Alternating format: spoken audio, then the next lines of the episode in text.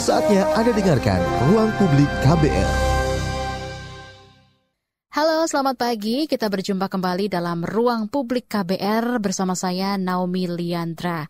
Tema kita pagi hari ini adalah berwisata ke museum membosankan. Apa iya? Saudara berkunjung ke museum kerap sekali dianggap membosankan, bahkan tidak menjadi destinasi wisata utama pilihan masyarakat. Padahal berkunjung ke museum itu bisa menambah pengetahuan dan juga menjadi pengalaman yang tentunya mengasyikkan. Memupuk rasa cinta dan pengalaman seru ketika berkunjung ke museum, inilah yang dilakukan oleh dua komunitas yaitu komunitas edukasi museum dan juga komunitas malam museum. Seperti apa cerita mereka dalam mewadahi pecinta museum dan mendekatkan masyarakat dengan museum? Di ruang publik KBR, kita akan berbincang dengan dua narasumber kita. Ada Buhori Masruri, founder komunitas edukasi museum, dan juga Sukma Putri, ketua komunitas Malam Museum. Selamat pagi, Mas Buhori dan juga Mbak Sukma. Ya, selamat, selamat pagi. pagi Terima kasih sudah hadir di ruang publik KBR pagi hari ini ya. Baik ke Mas Buhari dulu nih. Mas Buhari sebagai founder komunitas edukasi museum ya bisa diceritakan mungkin latar belakang Anda uh, mendirikan komunitas ini dan apa sih yang menjadi concern Anda Mas Buhari? Oke, dulu kami memulai ini itu dari grup touring, Mbak. Kami itu teman-teman di pendidikan sejarah S1 Universitas Negeri 11 Maret itu ketika datang ke suatu daerah hmm. kita itu ketika ingin pengen tahu suatu daerah kita itu harus tanya ke orang dan lain sebagainya itu kan cukup membutuhkan waktu hmm. sedangkan ketika kita datang ke museum itu cukup menyenangkan jadi kita bisa tahu uh, kebudayaan sosial hmm. pengetahuan teknologi masyarakat itu dari museum itu jadi ketika kami melakukan touring hampir kami selalu menyertakan museum dalam destinasi. Wow. Kemudian hingga tahun 2019, kami kan grup touring club terpisah-pisah di kota masing-masing. Nah, kemudian kami mendirikan komunitas ini tuh untuk bisa menjebatani antara satu daerah ke daerah yang lain. Jadi kami membuat komunitas ini. Oke, baik. Lalu program-program atau kegiatan apa aja nih Mas yang ada di komunitas edukasi museum?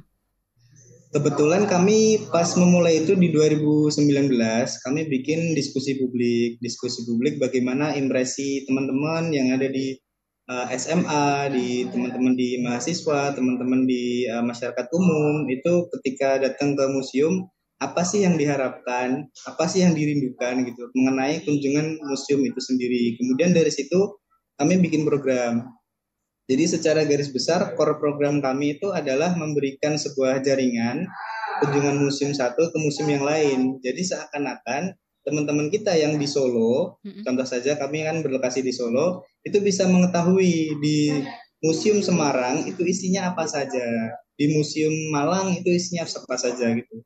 Jadi ketika mereka datang ke kota itu, dia tahu bahwa di kota itu ada museum yang ia sukai. Okay boleh tahu nggak nih uh, di spill boleh di spill nggak jawaban dari diskusi sama mahasiswa mahasiswanya pas diskusi apa aja nih mas? Itu kebanyakan masalahnya itu terkendala uh, terkendala jarak mbak. Oh. Jadi dalam diskusi itu bergerak uh, kami itu kebanyakan yang teman-teman SMA yang kebanyakan itu ya. Mm-hmm. Kami itu kalau mau ke Semarang itu terpaut jam sekolah, kita terpaut jam yang sudah kerja, terpaut jam kerja dan sebagainya. Untuk ke daerah situ itu cukup sulit. Dan satu itu yang kedua ketika datang ke museum salah satu kota lah katakanlah itu kita kan punya ekspektasi hmm. kan seperti itu. Kita punya ekspektasi. Ketika datang realitanya itu realitanya dia bingung. dia bingung, bingung isinya museum ini apa saja gitu. Oh, Oke. Okay. Nah, gitu ya. Itu kita ingin melakukan edukasi itu, edukasi apa saja koleksi-koleksi museum. Nice. Nah, ini uh, berapa banyak sih museum yang berafiliasi dengan komunitas edukasi museum dan ada di mana aja, Mas Buhari? Untuk yang sangat dekat juga sama kami itu ada di Kota Surakarta, itu ada di Museum Keris dan Museum Radio Pustaka. Tapi untuk afiliasi yang kita punya kontak dan lain sebagainya, itu kami masih masih cukup kecil mbak ya. Kami masih ada di mungkin Jawa Tengah, Jogja dan Jawa Timur. Ini juga ada teman dari Bali ikut ngobrol-ngobrol terus, oh bagus kayaknya mas seperti itu. Oke, mungkin ada rencana gitu untuk afiliasi ke luar Jawa di Sumatera gitu misalnya. Ya, mungkin itu ketika program yang sedang kami kerjakan ini jadi, mungkin kita akan keluar Jawa. Apalagi ini juga ada permintaan dari teman-teman yang berkuliah di UNS ini, teman-teman dari Aceh, mm-hmm. itu ingin juga. Ayo dong Mas, Aceh itu kan juga punya museum yang cukup signifikan. Mm-hmm. Itu museum tsunami di Aceh. Ya. Jadi ada pengetahuan mengenai mitigasi bencana melalui museum itu sendiri. Oke. Ini menarik banget ya. Tapi tadi sempat uh, ngomong juga Mas Buhari, program yang lagi dikerjakan. Kepo lagi nih, boleh tahu nggak programnya apa sih Mas? kita mau bikin virtual tour. Virtual tour itu menggunakan teknologi uh, virtual reality yang 360 derajat kamera. Mm-hmm. Nah, kita itu mau membuat sebuah simbol. Jadi museum itu kan bangunan yang memiliki uh, koleksi arkeologi seperti artefak-artefak. Tapi situs-situs budaya seperti candi, seperti monumen, seperti uh, mungkin garis pantai dan lain sebagainya yang digunakan sebagai koleksi museum itu kan nggak mungkin dimasukin museum. Hmm. kan seperti itu. Nah, kami itu ingin menjadikan itu sebuah kesatuan museum datang ke museum datang juga ke situs budayanya melalui virtual seperti itu Oke, nah sekarang kita ke Mbak Sukma ya. Mbak Sukma uh, sebagai ketua komunitas Malam Museum nih Mbak, bisa dibilang hmm. uh, komunitas Malam Museum dari Jogja ini kan punya keunikan gitu ya Mbak Sukma ya. Mungkin boleh dijelaskan hmm. lebih lanjut lagi gitu Mbak mengenai komunitas ini dan apa sih yang menjadi latar belakang uh, berdirinya komunitas Malam Museum ini Mbak Sukma? Oke, terima kasih Mbak Naomi. Jadi untuk komunitas Malam Museum itu sendiri itu memang awalnya berdiri karena adanya program PKM. Jadi dulu uh, founder dari komunitas Malam Museum yaitu Mas Erwin bersama teman-temannya itu mendirikan komunitas Malam Museum itu awalnya berangkat dari program kreativitas mahasiswa. Hmm. Jadi mereka uh, me, apa ya me, mencoba membuat uh, dan mengajak pada saat itu mas, masyarakat di hmm. tahun 2012 masyarakat hmm. itu kan pada waktu itu masih jarang sosial media dan juga terutama untuk pergi ke museum itu kan masih jarang banget hmm. masih hmm. ya mungkin kalau ke museum cuman karena kunjungan atau bareng-bareng study tour seperti itu kan hmm. nah jadi uh, founder para founder ini tuh mencoba merumuskan gimana ya caranya kita untuk menarik orang biar mau ke museum secara pribadi maksudnya mm-hmm. mereka enggak yang terkait dengan stigma dan lain-lain sebagainya. Nah, akhirnya dibentuklah mencoba membuat program di mana uh, apa namanya membuat kegiatan di museum yang enggak membosankan dan lain dari yang lain gitu hmm. caranya. Nah, terbentuklah kegiatan berkunjung ke museum di malam hari yang mungkin bisa menarik orang dan ternyata ketika itu dicoba itu ternyata berhasil. Nah, karena program ketika mengikuti program PKM ini kemudian tidak lolos ke PIMNAS, mm -hmm. nah daripada rancangan kegiatan itu tidak berjalan, akhirnya dibuatlah komunitas. Okay. Dengan percobaan pertama kita mencoba untuk uh, mengundang teman-teman mahasiswa pada saat itu uh, dari mulut ke mulut, hmm. kita mengajak teman-teman mahasiswa untuk berkunjung ke museum di malam hari. Pada saat itu awalnya di Museum Benteng Frederick Yogyakarta hmm. dan akhirnya kemudian banyak yang minat hingga akhirnya membuat uh, kegiatan-kegiatan serupa yang ada di museum dan juga di malam hari seperti itu. Tapi ngomong-ngomong, kenapa malam hari, Mbak? Uh, apakah ada ada apa namanya base? Mungkin karena apa gitu, makanya dipilih malam hari atau gimana nih, Mbak? Nah itu adalah uh, salah satu daya tarik tersendirinya. Jadi kayak orang-orang okay. kan biasa ke museum pagi-pagi, siang-siang, hmm. dan di jam yang di jam operasionalnya yeah. museum itu sendiri gitu. -huh. Nah akhirnya kita coba ah oh, kalau malam hari ini kayaknya menarik nih. Uh, mungkin satu faktornya adalah eksklusif karena ya udah nanti orangnya cuman yang ikut kegiatan itu aja gitu. -huh. Dan yang kedua itu uh, menarik karena uh, kita akan membuktikan museum itu tuh nggak semenyeramkan itu kok di uh, berbagai waktu entah pagi, siang, sore maupun malam itu tuh museum tidak menyeramkan gitu. Oke, berarti uh, paling malam buka sampai jam berapa tuh Mbak? Kalau dalam kegiatan kami waktu itu mm -mm. Uh, sampai jam 9 malam. Jam 9 malam. Wah. Iya. Keren keren banget. Nah, komunitas Malam Museum ini uh, disebut menghadirkan kegiatan belajar sejarah yang unik dan menyenangkan gitu ya. Mungkin bisa diceritakan mm-hmm. oleh Mbak Sukma gitu kegiatan apa saja yang ditawarkan untuk akhirnya bisa menarik minat masyarakat. Mm-hmm. Oke, okay. kalau untuk kegiatan yang pertama yang paling menarik dan banyak peminatnya itu memang jelajah museum. Awalnya jelajah malam, mm-hmm. kemudian uh, karena sempat ada pandemi yang membuat peraturan kita harus mengikuti peraturan pemerintah tidak mm-hmm. boleh ada jam malam dan lain sebagainya. Mm. Uh, kemudian kami membuat jelajah malam itu bergeser ke pagi sampai ke siang hari dengan jelajah museum. Nah, jelajah museum itu kita tidak hanya sekedar mengunjungi museum, lihat-lihat koleksi itu mm -hmm. saja tuh tidak, tapi kita juga memberikan permainan di dalam situ, di mana permainan itu juga masih ada keterkaitannya dengan isi yang ada di museum itu sendiri. Kita harus mencari jawaban, hmm. kita harus mencari uh, apa jawaban dari teka-teki yang ada di soal itu yang mana jawabannya itu hanya bisa ditemukan di museum itu sendiri seperti itu. Itu salah satu di kegiatan jelajah museum. Kemudian yang kedua itu ada kami ada kelas heritage yang mana kita mm-hmm. juga tidak hanya berfokus kepada museum, kita juga berfokus ke cagar budaya juga. Jadi kita mengunjungi situs-situs cagar budaya yang ada di Yogyakarta dan sekitarnya, mm-hmm. dan kita juga mempelajari yang apa yang ada di dalamnya. Mungkin misal contoh kalau di Jogja itu ada kota baru, kawasan kota baru itu, okay. mungkin kita hanya sering lewat di situ, tapi sebenarnya di balik situ tuh ada cerita, ada banyak cerita yang ada di situ, dan kita mengupas itu semua dan mengajak teman-teman untuk berjalan-jalan di kota baru sambil mendengarkan cerita sejarah yang ada di situ. Lalu kemudian kita hmm. juga ada kegiatan untuk anak-anak karena hmm. uh, yang awalnya kita hanya mengajak uh, mahasiswa atau mungkin masyarakat umum, tetapi juga kita mendapatkan saran dari uh, masyarakat sekitar kalau oh ini tuh seru loh kalau diikuti sama anak-anak juga. Jadi kita juga membuat program untuk anak-anak namanya adalah Kids in Museum pada waktu itu dan itu kita juga mengajak Eh, anak-anak uh, untuk berkunjung ke museum dan kita juga membuat games yang menarik yang bisa diikuti oleh anak-anak seperti itu. Wah, ini keren banget. Sejauh ini uh, dari penglihatan Mbak Sukma sendiri, seperti apa nih animo masyarakat yang sudah menghadiri atau datang ke museum malam ini, Mbak? Hmm, untuk uh, animo masyarakat, alhamdulillah itu semakin banyak orang-orang uh, yang mengikuti karena mm -hmm. di jelajah museum ini, uh, apa namanya, kita itu hanya membuka kuota untuk 100 sampai 150 orang sekitar per hari? sekitar 150. Uh, eh, itu per ada kegiatan, okay. kegiatan jelajah museum. Mm -hmm. Tetapi untuk yang mendaftar itu bisa sampai 1000 orang wow. setiap kali kami membuka. Itu pendaftarannya itu benar -benar, offline, online hmm? atau gimana, Mbak? Online. Jadi kita buka okay. pendaftarannya itu online melalui Google Form Kemudian itu kan ada ada ininya ya terdeteksi uh, uh berapa orang yang masuk yang mendaftar uh -huh. dan ternyata itu mencapai seribu orang.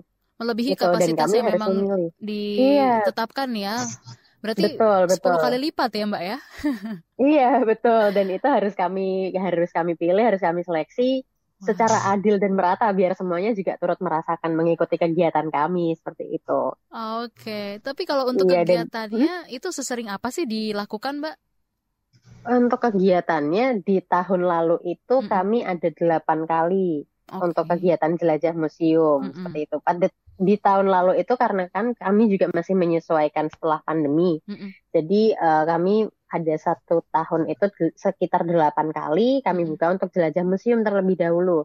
Nah untuk tahun ini kami untuk kami sedang merancang dan mencoba kegiatan yang baru lagi yang lebih beragam lagi dan sampai sejauh ini sudah ada hampir lima kegiatan okay. itu ada di museum dan juga di situs cagar budaya itu juga sama-sama animonya juga sama-sama rame mm -hmm. karena kami juga masih membatasi kuota mengikuti dengan tempatnya yang mungkin terbatas juga mm -hmm. jadi ya kami harus uh, membatasi kuota yang juga pasti melebihi dari kuota yang diharuskan gitu untuk pendaftarnya.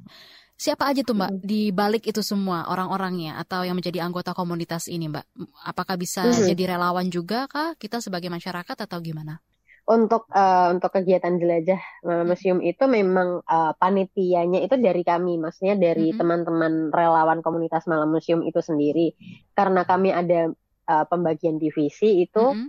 yang memang diutamakan adalah divisi yang di bidang museum. Tetapi mm-hmm. kalau misalnya memang dari anggota divisi museum itu sendiri kurang, kami juga mengajak teman-teman dari divisi heritage juga. Jadi tidak tidak membatasi itu gitu untuk uh, mengikuti menjadi panitia di jelajah museum atau di kegiatan-kegiatan lainnya.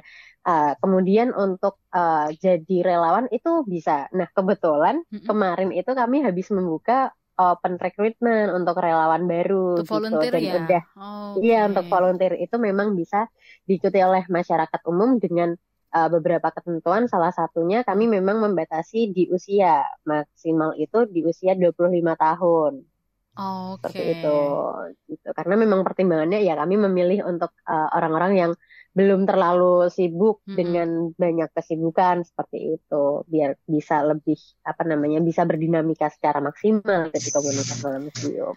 Mantap sekali. Baik Mbak Sukma dan juga Mas Buhori, nanti kita lanjutkan obrolan kita yang makin seru ini. Dan untuk Anda pendengar, Ruang Publik KBR pagi hari ini lagi membahas mengenai berwisata ke museum. Membosankan apa iya? Aku rasa sih enggak ya. Baik, tetaplah di Ruang Publik KBR. Masih Anda dengarkan Ruang Publik KBR. Commercial break. Commercial break. Transfer ke sini udah, bayar ini juga udah. Ke gue udah. Hih, Allah, pertumbuhan ekonomi tuh lagi melambat, persis kayak tabungan gue. Betul banget harus matang ngelola keuangan. Pengennya tuh investasi sesuatu gitu ya. Apa gitu yang cocok dan menguntungkan? Hmm, coba dengerin uang bicara deh. Gue belakangan lagi dengerin podcast itu di KBR Prime. Tadinya 500 juta udah turun dari 250 juta sekarang 10 ribu. Sama kita ngopi, mahalan mana? Ketika itu ada keputusan yang kayak begitu, investor harus tahu gitu, oh ada keputusan ini berarti implikasinya apa? Orang mungkin perluas literasi kamu lewat podcast Uang Bicara. Uang Bicara menavigasi kamu dengan menghadirkan bahasan-bahasan seru dan populer mulai dari investasi sampai kebijakan.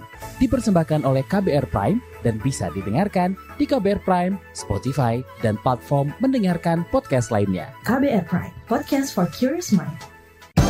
Masih Anda dengarkan Ruang Publik KBR. Kita masih bersama dengan founder komunitas edukasi museum dan juga dari eh, Ketua Komunitas Malam Museum ya, masih bersama dengan Mas Buhori dan juga Mbak Sukma. Kita lanjut lagi tadi uh, Mbak Sukma terakhir sebelum kita break ngebahas kalau ternyata bisa juga jadi volunteer gitu ya, tapi disesuaikan dengan kriteria usia maksimal di 25 tahun. Nah, kita ke Mas Buhori lagi. Mas Buhori berkunjung ke museum ini kan dianggap uh, sebagai kegiatan yang membosankan gitu kan dan mungkin karena ada patung atau barang historik lainnya yang dianggap menyeramkan serta kuno gitu ya. Ini juga berujung pada sedikitnya minat masyarakat untuk berkunjung ke museum. Mengapa nih Mas sedikit masyarakat yang tertarik berwisata ke museum dan kenapa sampai ada stigma negatif seperti ini? Menurut Anda seperti apa Mas Buhori? Jadi yang biasanya dapat di kami, hmm. kami itu uh, mendiskusikan bagaimana sebuah museum itu bisa memberi pengalaman, tidak hanya menjadi galeri gitu. Jadi teman-teman ketika berkunjung ke museum dan sebagainya itu di apa tuh namanya kita berdiskusi kenapa sih datang ke museum keris itu cukup kita lihat keris aja kan seperti itu. Nah, yeah. ternyata nah ternyata ada uh, masukan juga ketika kita mendatangi museum-museum yang memiliki tour guide yang menyenangkan. Hmm, hmm, Jadi hmm. tour guide itu bisa memandu jalannya sebuah tour bisa merasa lebih dekat, bisa menjebatani antara benda, artefak ini itu memiliki kenangan apa saja dalam sejarah seperti itu. Oh. Pertama targetnya itu. Kemudian ada juga beberapa musim yang memberikan pengalaman merasakan kebudayaan yang terjadi di situ. Contoh itu seperti di uh, musim keris di Surakarta. Mm -hmm. Dia memberikan apa itu namanya uh, seperti ajakan untuk datang ke dapur ke dapur keris bagaimana proses pembuatan keris merasakan panasnya hawa ketika berada di tempat pembuatan keris atau juga di Radia Pustaka Radia Pustaka ini kan museum tertua di Indonesia, ya. museum yeah. yang dibuat oleh pribumi tertua. Mm-hmm. Ketika datang ke sana, ada seorang namanya Pak Toto, dia ada di ruang naskah. Mm-hmm. Jadi beberapa orang ketika datang ke museum Radia Pustaka tidak hanya merasakan melihat koleksi-koleksi, tetapi hmm. bisa datang ke Pak Toto, bisa menggali horoskop Jawa. Jawa oh, itu punya. Primbon, bukan? Beda ya? ya beda. oh. nah, ada horoskop Jawa. Oke. Okay. Terus ada juga calon mempelai pengantin kan, mm-hmm. dia berkonsultasi dengan Pak Toto, apakah tanggal dan lain sebagainya ini cocok. Nah, oh, itu okay. kan pengalaman. itu pengalaman yang dirindukan. Atau juga kita bisa ke musim Atsiri itu di mm -hmm. Karanganyar. Mm -hmm. Ketika datang ke musim Atsiri, kita bisa tahu pembuatan essence oil itu seperti apa. Essence oil itu ada berapa banyak jenis, di situ ada botolnya semua, bisa dicoba wangi-wanginya seperti apa. Itu menunjukkan kekayaan, kekayaan alam Indonesia botaninya itu seluas ini. Gitu. Bahkan kami kemarin juga mendorong teman-teman yang ada di Pati, mm -hmm. di Pati itu kan tidak ada museum sama sekali. Nah kan seperti itu. Di situ ada seseorang yang cukup bagus mengguna, uh, menggiat di museum, dia ingin memiliki museum memiliki museum yang dikelola yayasan. Di sana dia memberikan pengalaman spiritual. Dalam arti spiritual di sini tidak kita melakukan ziarah, biasanya datang sendiri ke suatu makam pendiri desa. Mm-hmm. Nah, dia itu memberikan pengalaman. Berziarah itu seperti ini loh. Bukan kita meminta ke seseorang, tetapi kita merasakan bagaimana menjadi tokoh yang yang kita ziarahi. Gitu. Dia berjelajah desa, berangkat ke desa, menyeberang sungai dan lain sebagainya. Itu seperti petualangan tersendiri yang dirasakan. Itu ya, itu. di situlah pengalaman gitu ya. Jadi bukan hanya jadi galeri aja gitu kan. Kadang kan orang berpikir museum ya, foto-foto. Ini juga tergantung dari tour guide-nya juga berarti ya, Mas Buhori ya. Tour guide-nya yeah. menyampaikan dengan uh, ekspresif mungkin. Jadi orang juga semakin mau banyak tahu gitu tentang apa aja yang ada di dalam museum itu. Nah, baik uh, mungkin uh, dari Mbak Sukma bisa dijelaskan juga sebenarnya apa sih Mbak manfaat dari museum itu, Mbak Sukma?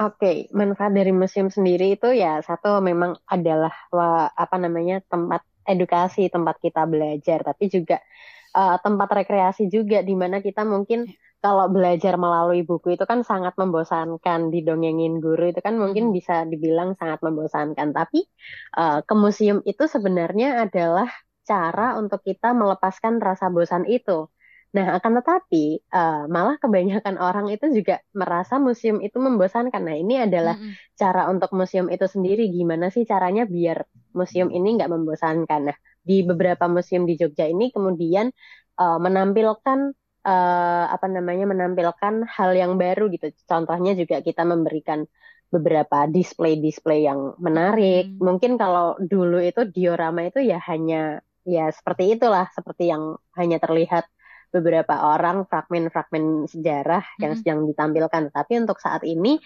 uh, ada beberapa museum yang menampilkan diorama itu secara yang lebih menarik atau mungkin lebih artsy atau bisa dibilang instagramable mm-hmm. yang bisa di diunggah di sosial media kita yeah. dan ternyata oh itu menarik ya jadi mm-hmm. orang-orang yang melihat itu gimana itu kok bagus tampilannya mm-hmm. gitu itu jadi yang bisa membuat uh, tertarik minat orang-orang untuk uh, ke museum seperti itu. Jadi ya uh, selain menjadi wahana edukasi kita bisa belajar di sana, tapi kita juga bisa ya memberikan impresi kepada orang-orang juga mungkin di akun-akun orang itu sendiri jadi naik jadi wah ini jadi viral nih kayak gitu. Wow keren banget.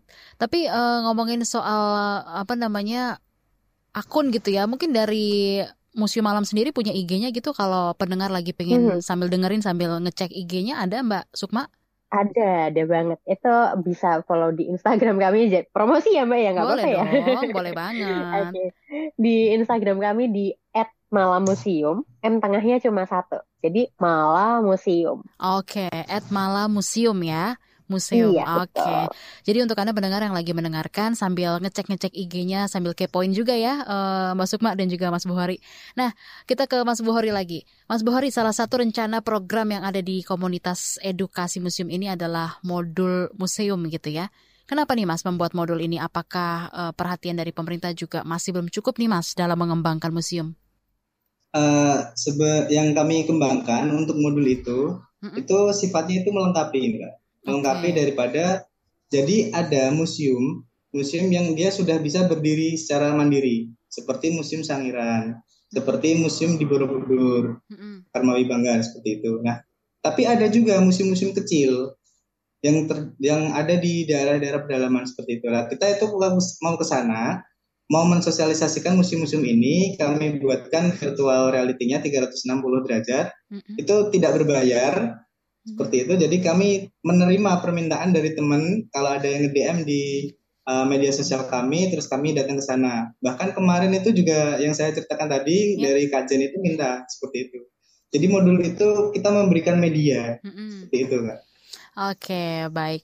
Nah, balik lagi nih, kalau dari komunitas malam museum sendiri nih, Mbak Sukma, metode seperti apa sih yang dilakukan untuk eh, menghapus stigma gitu ya, kalau pergi ke museum itu membosankan atau ya stigma-stigma lainnya deh yang sekaligus mengedukasi soal museum ini sendiri, Mbak Sukma. Mhm. Oke, salah satu caranya adalah Mm. pertama tadi yang dilakukan diinisiasi dengan eh, apa namanya berkunjung di malam hari dan kita di berkunjung di malam hari itu juga memberikan banyak hiburan, juga ada game, selain itu juga ada hiburan penampilan-penampilan seperti itu dan eh, kemudian selebihnya kita lebih banyak membuat games yang interaktif yang bisa eh, apa ya membuat orang itu merasa senang gitu untuk melakukan games itu dan menjadi hal yang tidak membosankan. Karena uh, di games itu kami juga melakukannya membuat mereka itu berkelompok. Jadi bisa saling kenal satu sama lain dengan orang yang baru yang mungkin memiliki, memiliki uh, ketertarikan yang sama yaitu bermain ke museum. Jadi kita bisa uh, membuat mereka itu juga saling menambah relasi ketika kita mengikuti kegiatan itu.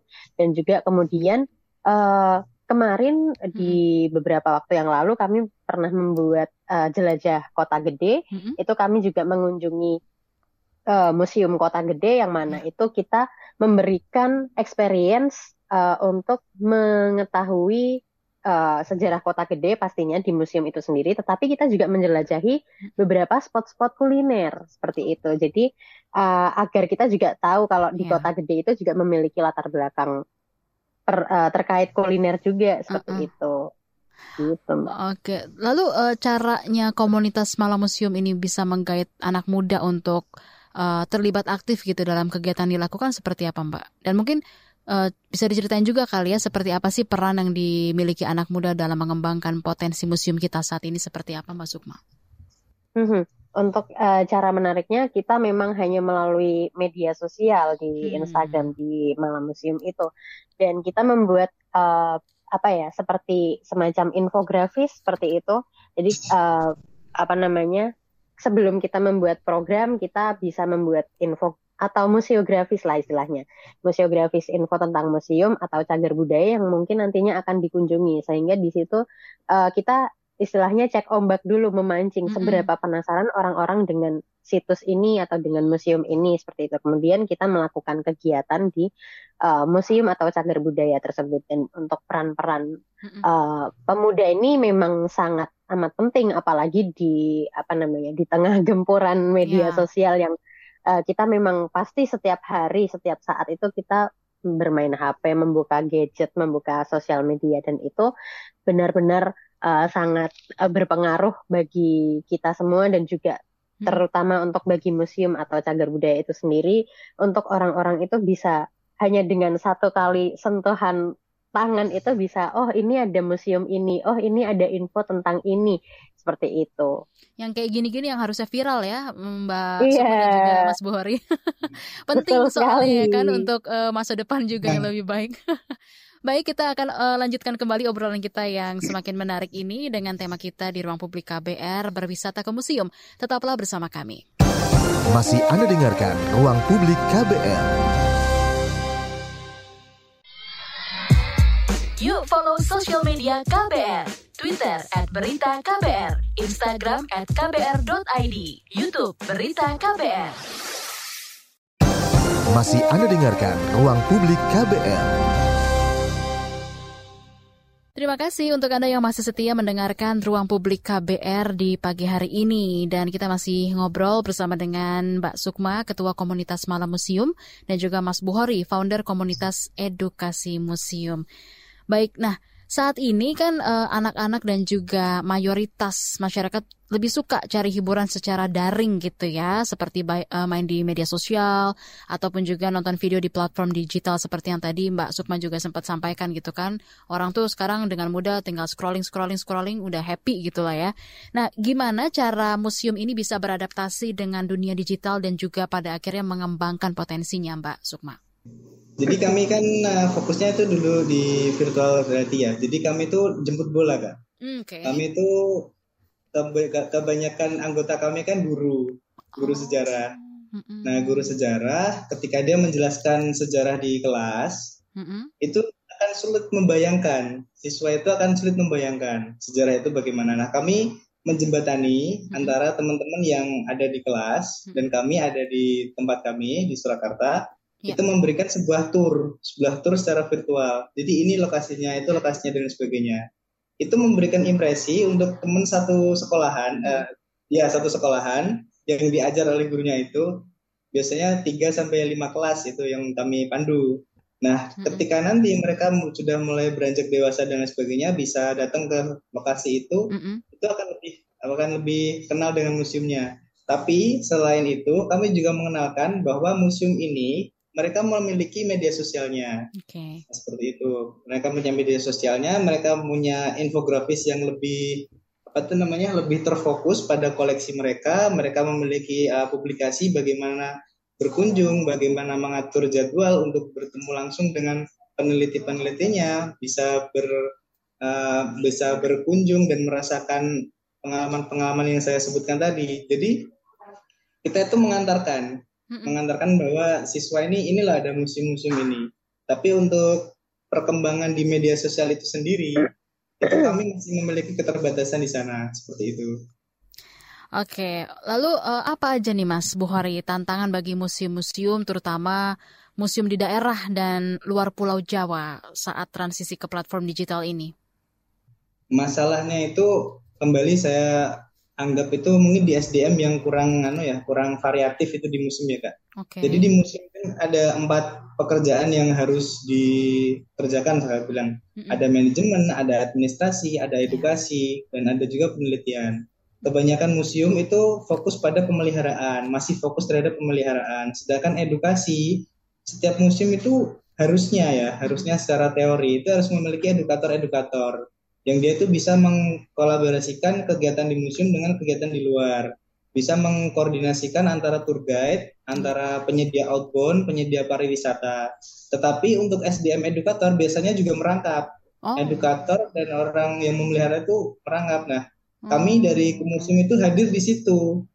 Kita itu mencoba untuk, ayo kita jadikan hmm. kita itu mengabdi untuk menjadi edukator-edukator di uh, museum-museum yang kesulitan ini, hmm. seperti itu. Bahkan ada satu museum hmm ya di Purworejo saya bilang hmm. yang mengelola itu cuma tiga orang wow ketua bendahara ngurus yang ngurus apa tuh namanya keuangan, keuangan. dan administrasi itu mengurus pemeliharaan nah ini kan sangat kurang sekali seperti itu oke jadi, jadi sangat kurang sekali jadi faktor SDM-nya ya mas ya Iya, SDM yang kurang ini yang menjadi mm -hmm. PR yang cukup besar dalam kehidupan permusiman kita di Indonesia. Ya. Seperti itu. Oke, lalu menurut Anda apa nih yang kira-kira bisa dilakukan museum-museum di Indonesia gitu untuk menarik pengunjung berwisata gitu, terutama pengunjung dari berbagai jenjang usia?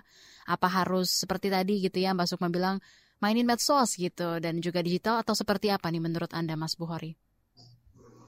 Kalau menurut medsos memang itu sangat uh, apa namanya sangat powerful sekali ya, sangat hmm. efektif sekali meskipun ada keterbatasan desain. Hmm. Tapi yang saya dorong itu lebih ke konten-konten edukatif yang evergreen. Evergreen itu Gimana bisa tuh? ditonton kapan pun ya, bisa ditonton kapan pun di mana pun seperti itu. Mungkin bisa menggunakan pendekatan YouTube, melakukan dokumentasi terkait satu-satu artefaknya. Artefak ini memiliki memori seperti ini, memori seperti ini itu akan menurut saya dengan SDM yang terbatas itu akan bisa mengkomunikasikan secara evergreen tadi. Oh, jadi, okay. jadi bisa menyeluruh dan bisa ditonton kapan pun. Jadi di media sosial itu juga memiliki daya saya bilang daya ledak yang cukup tinggi, mm -hmm. tapi juga ada daya redam yang cukup riskan. Ketika kita contoh ya, contoh mm -hmm. di Instagram kita buka feed, feed ke 16 itu akan turun dengan postingan yang terbaru. Kan seperti itu. Jadi itu membutuhkan SDM yang memang cakap di bidangnya. Sedangkan di realitas kita kurang SDM dan itu dan itu lagi ya. Kita mungkin bisa fokus di konten-konten evergreen seperti itu. Oke, baik. Itu tadi penjelasan dari Mas Buhori gitu ya, bahwa bisa juga uh, ke versi evergreen gitu. Nah, kalau dari Mbak Sukma nih, komunitas Malam Museum saat ini kan punya puluhan ribu followers gitu ya di medsosnya. Gimana nih Mbak komunitas memanfaatkan medsos ini dan juga internet dalam menjangkau masyarakat secara lebih besar, lebih luas? Uh, cara kami adalah membuat konten-konten menarik. Jadi tidak hanya konten yang seperti tadi infografis atau museografis mm -hmm. secara hanya poster biasa, tapi kita juga membuat uh, beberapa video, entah itu video tentang museum atau cagar budaya, atau bahkan kita juga membuat video seperti istilahnya recap setelah kegiatan kami berlangsung gitu beberapa hmm. kegiatan itu juga yang membuat orang-orang itu semakin tertarik mengikuti kegiatan kami kayak oh ternyata tuh jelajah museum tuh kayak gini ya, kayaknya mm-hmm. seru nih bisa diikuti di nanti kalau ada kegiatan mendatang atau misal kegiatan-kegiatan yang lainnya seperti itu. Kita membuat video-video seperti itu dan juga mm-hmm. uh, kami uh, apa ya kayak bukan bukan istilahnya menggiring opini, tapi mm-hmm. kita juga uh, membenarkan seperti yang pernah viral beberapa waktu yang lalu terkait dengan uh, candi ijo seperti itu. Nah, mm -hmm. kami uh, bukan ingin kita mendapatkan uh, impresi yang besar atau bagaimana, tapi kami juga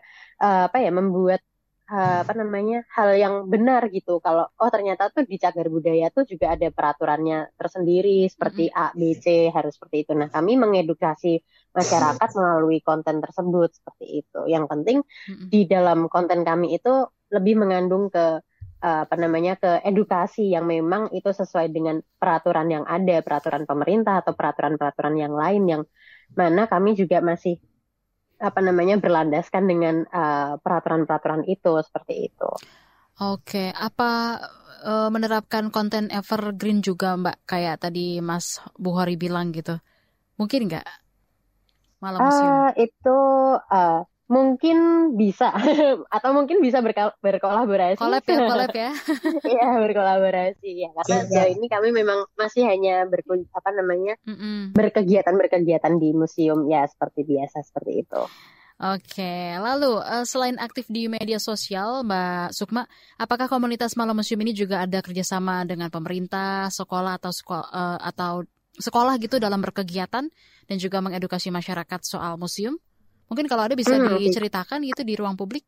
Uh, kita juga ada lembaga yang telah bekerja sama seperti contohnya dinas kebudayaan di Yogyakarta okay. baik provinsi maupun kota, kemudian uh, dinas pariwisata dan kemudian juga ada apa direktorat pelestarian cagar budaya permusiuman mm -hmm. Kemendikbud. Kemudian ada BPCB Balai Pelestarian Cagar Budaya, Balai Konservasi. Kemudian juga kalau sekolah-sekolah itu kami juga pernah mengisi apa ya seperti workshop tentang permusiuman gitu di sekolah di Jogja mm-hmm. gitu. Kemudian kita juga uh, bekerja sama dengan komunitas-komunitas pemudaan yang ada di Yogyakarta. Kita juga memberikan edukasi-edukasi terhadap uh, kepada komunitas dan juga sekolah-sekolah itu sendiri. Gitu. Uh, anak-anak di sekolah gimana Mbak uh, responnya mereka, animonya mereka gitu pada saat dari Mbak Sukma dan tim melakukan workshop ke sekolah-sekolah? Hmm, untuk respon anak-anak itu juga uh, sangat positif bagi kami dan juga mereka itu jadi uh, bilang ke gurunya, ayo bu, ini tuh lebih seru kalau langsung di museumnya, nggak di sekolah kayak gitu. Sekali jalan-jalan ya? Ke gurunya. iya bener, seperti itu. Oh gitu, jadi malah anaknya yang request gitu ya, ah, ayolah bu, kita ke sana aja bi biar bisa lihat langsung gitu kan, lebih Mm-mm. lebih berasa gitu. Oke baik. Betul. Nah mungkin dari uh, Mas Buhori gitu punya pengalaman juga mengenai yang tadi sudah Mbak Sukma sampaikan, mungkin secara uh, konten atau apa gitu Mas Buhori? Nah, untuk uh, kerjasama biasanya ya atau bersama teman dari luar yeah. komunitas itu kami kebetulan untuk yang pemerintah beberapa hmm. ada tawaran dari okay. pemerintah ada tawaran tapi karena background kami yang teman-teman komunitas edukasi museum itu kan Anak kebanyakan tuh. ngajar oh. guru sejarah ya iya uh-huh. ngajar jadi guru ada yang jadi videografer di suatu perusahaan media uh-huh. ada yang jadi wartawan untuk uh-huh. berkumpulnya itu kan kami kesulitan uh-huh. tapi dalam program-program kami kerjakan itu secara secara kolaboratif kamu yang bisa kerjain apa kamu yang bisa kerjain uh-huh. apa nah kebetulan kami itu seringnya dapat apa tuh kerjasama itu dari person to person dari guru. Contoh kemarin ada guru dari Jakarta. Yeah. minta diajak ini teman-teman tujuh kelas tolong dong dipandu untuk virtual museum di Sangiran. Nah kami buka virtual tour di Sangiran kita pandu di situ kita ajak berdiskusi apa sih yang unik di sini? Nah kemarin itu ada teman-teman dari Jakarta itu uniknya gini. Gimana? Ada pertanyaan kalian mikir nggak gimana fashionnya nenek moyang kita kan seperti itu Lucu sih. bagaimana Benar-benar. ya bagaimana suatu daerah itu Mhm. karena daya dukung lingkungannya terbatas itu menjadikan keragaman fashion. Contoh nih, di Jawa ada harimau Jawa. Mm-mm. Bisa jadi orang-orang di zaman purba itu menggunakannya uh, macan Jawa kan seperti itu. Mm-mm. Macan Jawa. Manusia purba yang di, di Sulawesi dia fashionnya berbeda karena nggak ada macan di sana kan seperti itu. itu akan menjadi simbol, itu akan menjadi simbol yang menyatakan oh ternyata Indonesia itu luas, kita memiliki Hmm. keberagaman suku dan lain sebagainya. Ya, jadi yang kita tekankan itu bukan bukan hanya siswa itu mem- memiliki ke pemahaman sejarah, memiliki pengetahuan sejarah, tapi kesadaran sejarah itu, Mbak. Hmm. Kesadaran sejarah itu adalah bagaimana kehidupan kita sekarang itu dibangun oleh kehidupan yang masa lampau kan seperti itu. Jadi bagaimana orang-orang itu meng- meng- memaknai sejarah seperti itu. Contoh uh, manusia purba, seandainya mereka hidup hari ini datang ke kelas kalian, apa yang akan terjadi? Apakah takut, apakah heran, ataukah kecewa? Kan seperti itu. Terus teman-teman nanya, ah, mungkin takut pak, itu sudah ada HP, ada kursi dan sebagainya dan sebagainya. Itu juga ya saya juga sepakat. Tapi mungkin ada kekecewaan kan seperti itu. Hmm. mereka dengan keterbatasan dengan keterbatasan lingkungan keterbatasan teknologi itu bisa bertahan hidup contoh nanti teman-teman ada ya kita nggak tahu ya teknologi mati semua HP Iya. mati semua. Bagaimana cara kita berkumpul? Bagaimana cara kita bekerja? Baik. itu kita menjadi sebuah kerentanan. Mhm. kan seperti itu. Itu yang mau kami apa tuh namanya kami tekankan di komunitas edukasi museum. Wah. bahkan juga ada relawan-relawan dari daerah. Contoh itu kemarin ada uh, dari Temanggung. Dari Mhm. Temanggung itu namanya Kirti Oke. Bu Kirti itu dia tinggal di rumahnya bekas pasukan di Ponorogo ketika di Ponorogo kan diambil nih Iya. dibawa ke Manado Mm-mm. bekas pasukannya kan menyebar Nah, mereka punya rumah-rumah kan seperti Mm-mm. itu di situ Bu Kirti ada rumah ada Menarik. rumah ya ada rumah pasukan di Ponorogo satu kemudian di bulan sebelumnya kami dapat kunjungan dari Pak Stephen C. Hadley Mm-mm. jauh-jauh dari Prancis ke sini itu mau melihat namanya situs Krendowahono nah Oke. Krendowahono yang ada di Surakarta situs Krendowahono ini digunakan oleh uh, Pakubono VI dan di Ponorogo itu untuk melakukan uh, apa itu namanya supply supply untuk perang kan seperti itu nah situs yang ada di Temanggung dan situs yang ada di Surakarta itu mau coba kita jadikan satu narasi Hmm. satu narasi bagaimana keberjalanannya perang di Ponorogo. Jadi kami jadikan virtual tour 360 derajat. Jadi siswa itu duduk manis di rumah, duduk Iya. manis di kelas, itu bisa ke Temanggung, bisa ke Surakarta, bisa ke Manado, Fort Rotterdam seperti itu. Jadi menghidupkan sejarah itu datang di tempat si siswa itu atau si pengunjung itu berada. Keren. Seperti itu. Kami Keren banget. Jadi bisa dari rumah gitu ya, bisa sambil menikmati keindahan Indonesia. Ini makin menarik banget. Bisa kita lanjutin lagi nanti obrolannya di ruang publik KBR masih bersama dengan kedua narasumber kita ada Mbak Sukma dan juga Mas Buhori. Kita membahas mengenai wisata ke museum. Tetaplah bersama kami di ruang publik KBR. Masih Anda dengarkan Ruang Publik KBR. Commercial break. Commercial break.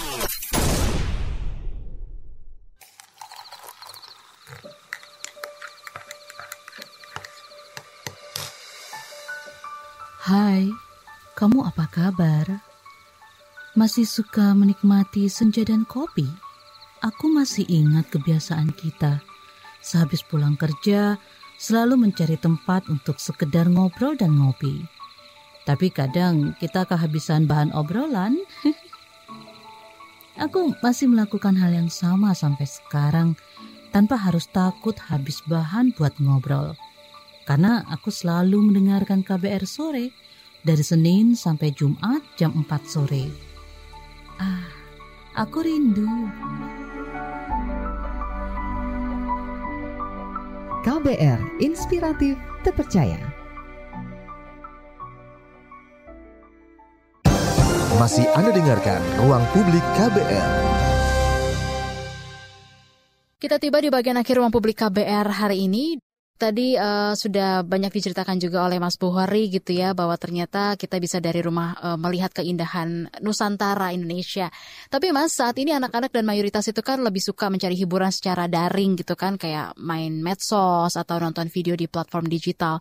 Gimana nih menurut eh, Mas Buhori sendiri gitu ya, uh, mungkin dari konsepnya gitu kan, konsep-konsep menarik dan visual yang memanjakan mata, yang bisa dibilang uh, menarik perhatian masyarakat gitu. Tanggapan Mas Buhori sendiri seperti apa dengan museum kontemporer yang menarik perhatian masyarakat dengan konsep menarik dan juga visual yang bikin mata itu menatap terus. Gimana tanggapan Anda Mas Buhori? Jadi itu ketika kita datang ke museum, saya tuh ada pengalaman di Monumen Pers, ya di Monumen Pers Surakarta. Saya ceritakan di situ. Okay. Pertama sebelum renovasi tahun 2021, mm -hmm. Museum itu hanya memajang koleksi-koleksi dengan narasi singkat di situ. Yeah. Ada narasi singkat, tidak begitu jelas. Tapi ketika seseorang datang dengan tata ruang yang bagus, dengan interior yang bagus, instagramable dan sebagainya, itu dia bisa menatap satu artefak cukup lama karena mm-hmm. narasi yang diberikan itu utuh gitu. Okay. Nah, mungkin mungkin karena teman-teman eh, teman-teman kami di komunitas edukasi musim terbatas mm-hmm. dan diskusi yang berkembang itu adalah bagaimana kita itu pengen tahu mm-hmm. apa sih arti dari, dari artefak ini, lah seperti itu. Contohnya ketika kita bicara mengenai wartawan Udin, jurnalisme investigatif di Bantul itu, yeah. ada banyak kamera, ada banyak kamera yang yang ada merek dan lain sebagainya di masa yang sama. Tapi kenapa kameranya Udin ini yang di pajang hmm. kan seperti itu. Okay. Jadi kami berkeyakinan itu museum itu adalah tempat kristalisasi ilmu pengetahuan, kak. Jadi yang ada di museum itu sudah diamini banyak orang, sudah tidak ada perdebatan, masih ada perdebatan berkembang, tapi di situ informasinya jelas. Ketika informasinya itu jelas, disampaikan di media sosial, hmm. di apa namanya divisualisasikan dengan bagus. Ketika orang datang ke museum, datang ke lokasi, dia akan menuju satu artefak itu dan mengambil nilai yang cukup banyak di situ. Contoh di Radia Pustaka. Di Radia Pustaka di pojoknya itu ada guci pemberian Napoleon Bonaparte kepada Pakubuwono VI. Ada guci dan ada orgel. Orgel itu kotak musik. Nah, ketika pengunjung datang, informasinya terbatas karena kalau kunjungan kan kita keterbatasan ruang ya. Iya. Seberapa, seberapa besar meja, nanti fontnya kecil-kecil kan gitu-gitu. Okay. Nah itu media sosial museum itu tidak hanya kalau menurut saya tidak hanya mengkomunikasikan ayo kita ke museum atau kita berkunjung tapi di tiap satu artefaknya itu memiliki nilai-nilai itu loh yang dikontenkan jadi ada satu artefak yang mengangkat keseluruhan artefak yang ada di museum oh Seperti nice itu. mungkin dari Mbak Sukma ada tanggapan tambahan gitu dari yang tadi sudah disampaikan oleh Mas Buhari hmm. Oke, okay. kalau untuk uh, tanggapannya ya itu menarik banget sih hmm. untuk kegiatannya. Bahkan aku juga ah kayaknya ini seru nih kalau berkolaborasi dan lagi kalau saya pribadi itu emang sering ke Solo ya. Jadi kayak penasaran gitu juga pengen berkunjung ke museum-museum yang ada di Solo itu tuh uh, seperti apa sih bukan studi banding sih tapi juga yeah. kayak gimana sih untuk museum di Solo saat ini tuh juga kok kayaknya uh, apa namanya juga menarik juga pastinya yang ada di dalam seperti tadi. Contohnya kayak yang ada Pak Toto tadi wah ini kayaknya seru nih untuk bisa berbincang klinik mm -hmm. nih untuk kita karena juga latar belakang saya juga yang di uh, sastra Jawa ini kayaknya menarik nih kalau diulas dikupas bareng gitu. Mungkin kalau misal boleh berkolaborasi sih ya. Langsung nih di sini. langsung ya. langsung seru nih pasti bakal seru. iya benar wah ini uh, mungkin juga karena waktu kita terbatas ini sayang banget tapi uh, mau tanya sama Mbak Sukma dan juga Mas Buhari gitu ya. hmm. ya dari Mbak Sukma dulu deh boleh. Bagaimana anda melihat potensi museum-museum sejarah Indonesia di masa yang akan datang, Mbak Sukma? Hmm, untuk potensi museum yang akan datang, menurut saya akan mungkin nanti bisa jadi ini ya, malah menjadi tujuan utama orang-orang berkunjung okay. uh, eh, ke kota-kota yang ada di Indonesia karena uh, menurut saya sekarang mungkin pemerintah juga mulai sadar kalau oh museum itu sepertinya uh, bisa lebih banyak dikunjungi orang itu kalau dibuat semenarik seperti ini gitu. Jadi mm-hmm. uh, mungkin akan menjadi uh, apa namanya menjadi pancingan juga untuk uh, pemerintah itu untuk semakin memajukan museum dan sepertinya nanti di masa mendatang juga orang-orang jadi lebih uh, lebih tertarik lagi dengan apalagi kalau misal itu udah kena konten itu yeah. pasti udah langsung uh, orang-orang tertarik untuk berkunjung ke museum gitu. Oke, baik. Dari Mas Buhori, mungkin seperti apa tanggapannya, tambahannya? Potensi Museum Sejarah Indonesia di masa yang akan datang seperti apa Anda melihatnya, Mas? Saya melihat optimis ya dengan melihat dengan optimis dengan cerah gitu ya kak ya. Hmm. Jadi musim-musim mulai berbenah, terus teman-teman yang pegiat sejarah yang kangen dengan dulu itu uh, nenek moyang atau pendahulu-pendahulu kita itu hidup seperti apa itu semakin banyak konten-konten uh, konten kreator konten kreator yang ada di media sosial seperti YouTube dengan itu teman asisi channel atau dari di medsos uh, Instagram teman-teman Neo Historia itu mulai banyak peminatnya dan sebagainya dari orang-orang yang suka sejarah itu akan berkunjung ke museum kan seperti itu. Dari oh. situ museum bisa hidup dan bisa hidup dan berkembang. Dan ketika kami itu kan uh, museum itu kan juga terancam ya kak ya, terancam gedungnya diganti karena tidak berfungsi, jarang peminat dan sebagainya. Tapi ada banyak komunitas-komunitas lokal itu yang mem mempertahankan itu. Hmm. Di Solo kemarin ada Radia Pustaka yang mau diperebutkan dan lain sebagainya. Kita hmm. mencoba membuat petisi siapa sih yang pertahankan sama Radia Pustaka seperti itu? Ternyata ada 128 orang yeah. yang kita lihat nama-namanya itu bukan orang-orang orang-orang maksudnya orang-orang berpengaruh coba ya. Okay. Museum itu banyak yang cinta dengan museum. Wow. Banyak yang cinta dengan museum, banyak yang cinta dengan sejarah museum. Jadi ya bagus-bagusnya bagaimana museum itu memberikan rasa kangen, rasa rindu tidak hanya melihat konten tapi jika kita berkunjung ke museum itu sendiri feelnya ya vibesnya tuh ya. beda gitu pada saat kita berkunjung langsung ke museum gitu ya Iya. Oke. Okay. Tidak hanya masuk kita iya. melihat galeri artefak mm -hmm. seperti itu, tapi juga kita masuk, kita tahu apa tuh namanya di situ kita bisa merasakan menjadi uh, tokoh sejarah Baik. dalam museum. Oke, terima kasih banyak untuk kedua narasumber kita di pagi hari ini di ruang publik KBR. Ada Mas Buhori Masruri, founder komunitas edukasi museum, dan juga Mbak Sukma Putri, Ketua Komunitas Malam Museum. Terima kasih banyak untuk waktunya di ruang publik KBR dengan topik kita berwisata ke museum membosankan apa iya. Tadi kalau aku sih menjawab enggak, enggak membosankan malah bikin penasaran terus ya. Terima kasih juga untuk Anda pendengar yang sudah mendengarkan ruang publik KBR pagi hari ini. Saya Naomi Liandra pamit. Terima kasih dan sampai jumpa. Baru saja Anda dengarkan Ruang Publik KBR.